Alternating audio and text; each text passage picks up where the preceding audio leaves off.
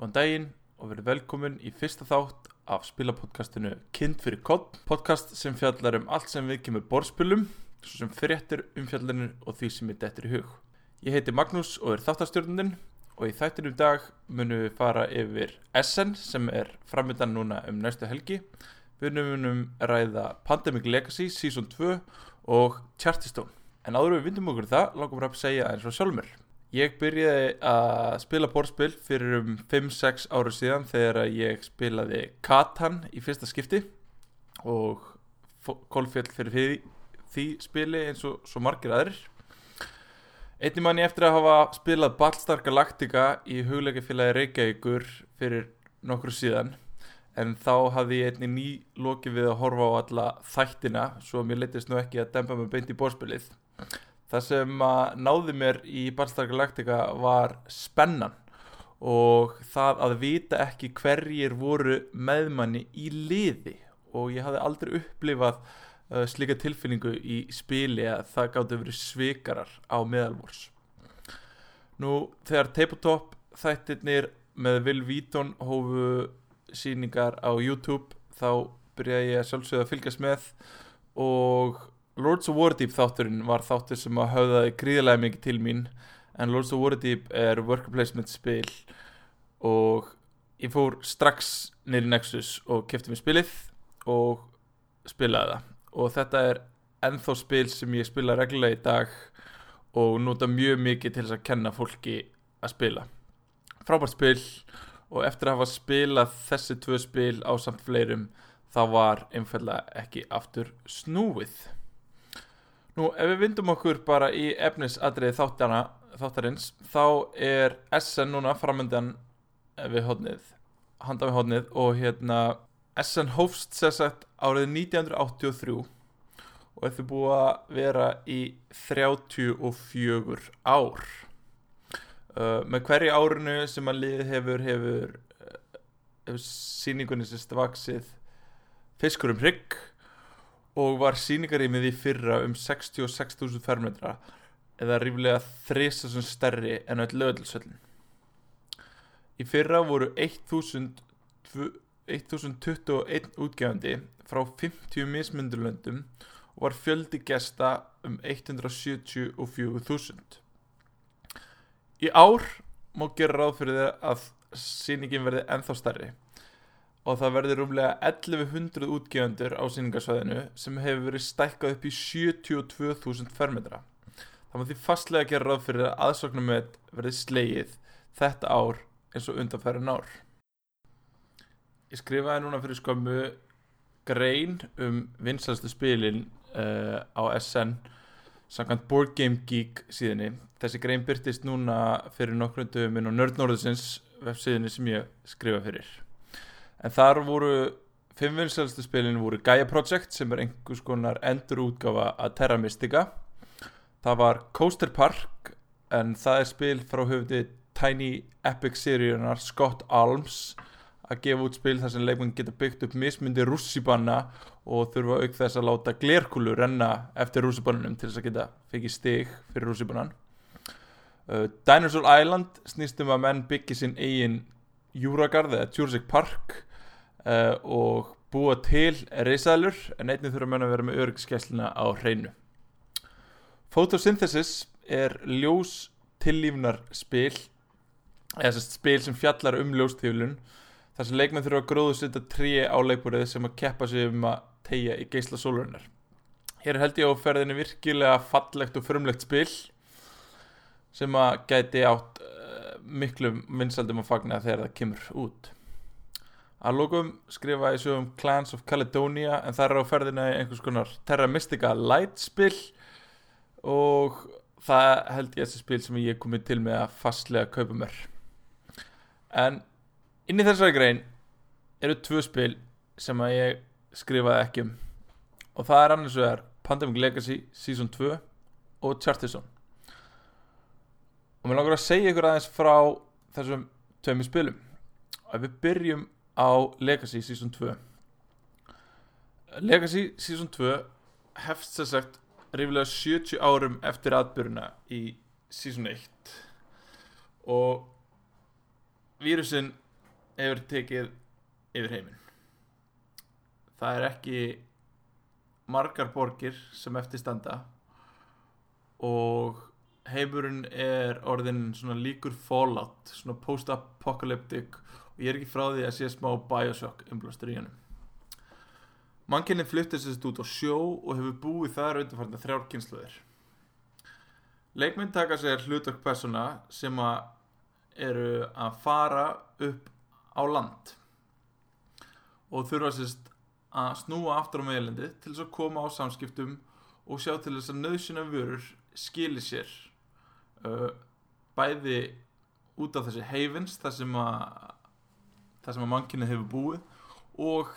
til þess að reyna að koma aftur á lífi á meginlandinu.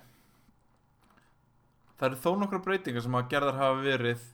uh, frá sísun 1 og sísun 2 og þar má helst nefna að kuppasystemið sem að fólk þekkir vel uh, því hefur eiginlega öllu verið snúð og kvolf það er að segja kupparnir merkja núna byrðir eins og mat, pensilin eða vatn. En í fyrra systeminu var það þannig alltaf þannig að það voru uh, vírusar sem voru að breyða úr sér. Þannig að núna þurfa leikmenn að sjá til þess að það séu nóg af kuppum í hverju borg fyrir sig sem tákna það að það séu til nóg af mat og pensilinu og vatnum. Þannig að borginnar nógu að viðhalda sér. Nú ef það eru einhverjir kuppar í hverju borg þá er hægt á því að pláan komi til með að skjóta upp kollunum ný. Þannig að þegar leikmenn koma til með að draga farsóttaspill þá þurfum leikmenn að fjarlæga byrðarkupa af viðeigandi staðsendingum ef allir byrðarkupanir eru hortnir úr viðeigandi borg þá koma leikmenn til þess að setja inn nýja kupa sem eru pestarkupar sem eru af annari sort heldur en byrðarkupanir þannig að þegar leikmenn þurfa að setja inn pestarkupa þá samsvarar því að það átti sér outbreak í sísun 1 þannig að eftir að búið er að fjarlæga alla byrðarköpana og fyrsti pestarköpunum kemur inn þá fara menn einn niður í útbreðslu á trekkinu. En það er ekki kallað útbreðsla í sísun 2 þeir kalla það incidents eða frávik. Þannig að það er mikið af svona hugtakabreitingum einnig frá sísun 1 og yfir í sísun 2 þannig að ef það safnast þrýr pestarkuppar þá þarf að bæta við þeim fjörða alveg svo það, það var það sem kosaði át, orsakaði hérna, outbreak í season 1 þá kallast það útbreysla eða outbreak í season 2 það er fjörði pestarkuppurnir en í staðinn þá þurfum leikmenn sérst að fjarlæga byrðarkuppa úr öllum nærleikindi borgum þar sem útbreyslan átti sér stað. En í upphæðispilsins eru þess 12 borgir og þar af þrjú heivens út af sjó. Borgirnar hafa mis mikinn mannfjölda sem eru táknaðar að limmiðum alveg svo í fyrirspilinu þar sem limmið er táknuðu hversu alvarlegt ástand var í borgurum að limmiðu numrum frá 1 til 5 þá eru borgirnar með mannfjölda frá 0 upp í 8 þannig að því herri tala því betur hefur borginn náð sér á skrið og, og hérna, er að rétt úr kútnum. Einbreytingin í sísón 2 frá sísón 1 er líka að kortið í sjálf sér mun stækka. Þar sé eftir sem að lengra líður á spili þá munum menn fara lengra inn á meginlandið og menn munum bæta við límiðum á lengdar og uh, á longitude og latitude uh, línirnar sem að stækka þar leðandi kortið og borgna sem leikmenn geta nálgast. Og sérst, í stað þess að finna lækningar á sjúkdómanum þá eru leikmenn að byggja byrðastöðar sérst, og byrðastöðunar eru þær stöðvar sem að framleiða uh, matinn og pensilinu og vatnið. Og fyrir þá sem hafa klárað síðan eitt eða að minnstakustu konni fram í, í hérna, búinu með óttubör þá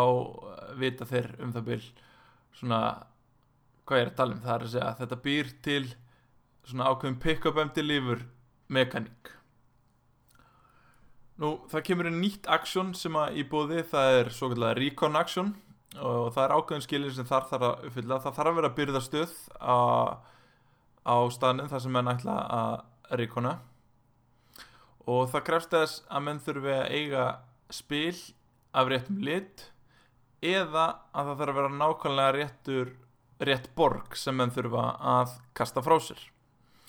Nú ef liturinn er réttur og samsvarar uh, þeim skilurðum eða réttri borg þá fá leikmenn mögulegan á því að opna einhvers konar kassa samkvæmt fyrirframgefnu leiðbynningum á borginni. Í upphauðan hverju umferð þá þurfa, leikmenn aðtuga hvort þeir hafi orðið fyrir smittættu eða exposure. Það þýðir að ef leikmenn byrja í borg þar sem að nú þegar er komin einn pestarkupur þá tjekka menn á exposure ef svo er þá geta þá fyrir leikmenn að skafa já, menn er ennþá að skafa eins og í, í sísón 1 við, það er verið að viðhalda hapatrænu fílingnum sem var mjög skemmtilegur fítus menn þurfum að skafa af uh, einni staðsetningu á exposure trackinu. En það er sem sagt exposure trackið er á spjaldinu fyrir persónuðina þú veist hvað hann heitir og hvað hann vinnur og hvað hann er gummul og allt svo les það er sérst nýr fítus sem kemur inn í season 2 er að hver persóna hefur sjö mismundi exposures. Og það sem er undir hverju einu exposure er í mist ekkert. Það getur verið ekkert undir uh, einum skafreitinum. Það getur verið skar og þá fá leikmenn skar bara alveg svo fyrirspili og það getur verið hauskupa en málið er að þú veist aldrei hvað það er sem þú færð og aldrei á hvaða tímapunkti. Þannig að í hver skipti sem þú ert í borg þar sem það er pestakupur fyrir þá þarf þetta að checka exposure og skafa. Þannig að þú veist aldrei hvonar personin er að fá skar eða hvenar hún mun deyja. Þannig að það er ákveðin svona uh, mennir að þú veist, taka ákveðna svona áhættur með því? Ætla menn að láta að reyna á hefnina og vonast til þess að menn fái ekkert eða taka áhættuna að fá skar? Eða er personin bara í raunverulega hættu á því að láta lífið út af pláðunni það finnst mér mjög svona spennandi tvist af því sem það er að gera. Það er að hérna færa þess að skafmiðanfíling yfir í exposure svona að fá að ska, skafa af og sjá hvort að personin sé actually að fá skar eða hvort það sé heimverulega bara að fara að deyja. Alveg svo þú vissir í season 2, nei í season 1 fyrir ekki að að þú veist, eftir hún fekk þriðaskarið ef hún fær þriðaskarið þá er personin látin, þannig að menn voru svona já, kannski meira svona risk averse að forðast að taka einhverjar áhættur með slíkt um, ég myndi segja að þetta séu svona helstu breytingarnar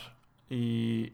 season 2 það er að segja hvernig köpunum er snú á kvolf það kemur í nýtt recon action mappum er stækka og þú veist aldrei hvernig personaðinn kemur til með að fá skar eða hvernig hún kemur til með að deyja. Ég er sjálfur ennþá að klára Legacy Season 1 uh, hver veitnum ég verið búið með það þegar þetta podcast kemur út en ég get alltaf ekki beðið eftir að fá mitt eintak og byrja Season 2 það eru þetta ekki hægt að tala um setna Legacy spilið uh, að segja Charterstone sem er að koma frá Jamie Stegmaier en hann er búin að gefa út þó nokkuð spil sem að fengi gríðarlega góður undirtektir og ber þar helst að lefna Scythe sem náðu gríðarlega vinsaldum á, á Kickstarter en hann hefur einnig gefið út Euphoria og Viticulture og öll þessi spil hafa verið að fá mjög góða dóma. Charterstone er byggðið eftir með mikill eftirvæntingu en það er sérst samkeppnispil fyrir 1-6 leikmenn. Charterstone er sérst verkstjórnunarspil eða worker placement með svona blöndu af civilization spil eða þar segja menn er að byggja upp svona sínar borgir í upphafi að spilinu er einungis tíu mögulegir reytir á borðinu en eftir því sem að lengra líður á spilið mun mögulegum reytum fjölga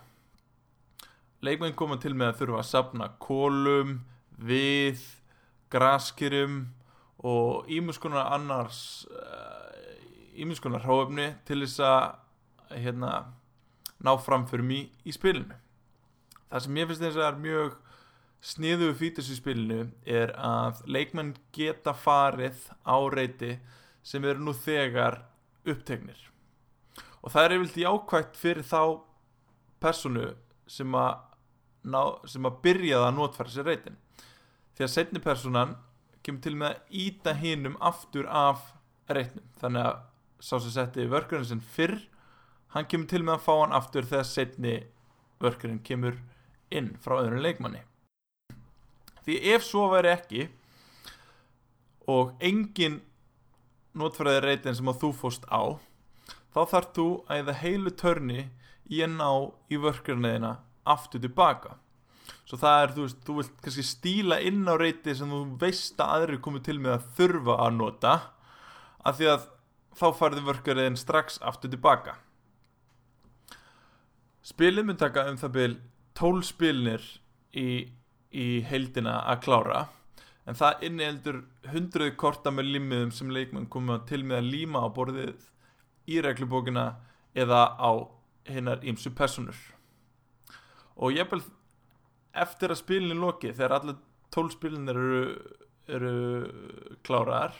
þá getur mann áfram haldið að spila spilið bara eins og venjulegt verkstjórnarspil sem að gera það mjög líklegt að þitt eintak mun vera frábröðið öllum öðrum Charterstone spilum í heiminum bara rétt eins og með Pandemic Legacy. Það sem er eins og einnig mjög flott uh, við hönnurspilsins er að borðið er tvíhliða. Það er að það er alveg eins báðu megin og eftir ert búin að spila öðru megin þá er einnig í búði að kaupa svo kallan áfyllingapakka sem lefur að spila allt kampænið í gegnum spilið upp og nýtt. Ég er samt að vera að velta þessu fyrir mér að því að það sem að þetta er samkjöfnisspil þá er spurning hvort að jafnvægi haldist á milli spilura að meina Pandemic Legacy var samfunnuspil þar sem að menn voru að vinna gegn spilinu. Þá, eða spilið vann gegn þér. Þá eru leikmenn að vinna gegn hvor öðrum í Charterstone. Og eins og í Seafall þá veldi verið mér hvort að það muni hafa áhrif að það að það verði erfitt að halda í við þann sem kannski gengur mun betur í upphafi. Þar að það verður svona veist, chase the leader aspekt og það verður erfitt að, að, hérna, að ná sigurverðun og það getur verið eitthvað sem getur dreyið úr áhuga annara til þess að spila. Vonandi ekki. En ég ætla allavega að sjá til og býða með hérna tjart að sjá, sjá hvernig svona viðtökur það kemur til með að fá uh, á, á fyrstu vikunum eftir útkvæði af því að hérna við munum öll hvernig Seafall það hérna því var byggðið með gríðarlega eftirvæntingu og það var uh, mikið tala um það, mikið hæp og, og hérna en svo einhvern veginn þegar spili loksins kom út þá fjalla svolítið svona í mísgrittan grittan í jarðveg og, og myndi líklegast bara flokka sem eila flopp í dag. Ég hef alltaf ekki hafa þáttin, þáttin lengri í, í dag en ef þið hafið áhuga á að skrifa eða koma einhvers konar efni á framfæri á einhvern máta hvort sem það tengist kvikmyndum, þáttum, töluleikum eða spilum eða bara almennu nördisma þá er ykkur að sjálfsögðu bent á að hægt er að hafa samband við okkur í nördnorðusins at gmail.com auk þess þá hvet ég alla til þess að fylgjast með hérna, helstu miðlunum sem við erum á en það er sérst vefsíðun okkar nördnorðusins.is við erum einni á Facebook og, og Twitter uh, það er hverju tvekja nördnorðusins við erum á Instagram það er Snapchat og gott ef við ætlum ekki að fara að reyna að vera virkir á Twitch-rásun okkar svona í framtíðinni. Ég ætla ekki að þáttan lengra í bili en í næsta þætti þá munum við fara yfir allt það sem gerist eftir SN hvað stóð upp úr hvað voru vonbriði og hvað er það sem að fólk er mest spenntast fyrir? Ég þakka fyrir áriðin í dag og við heyrumst í næsta þætti. Bless bless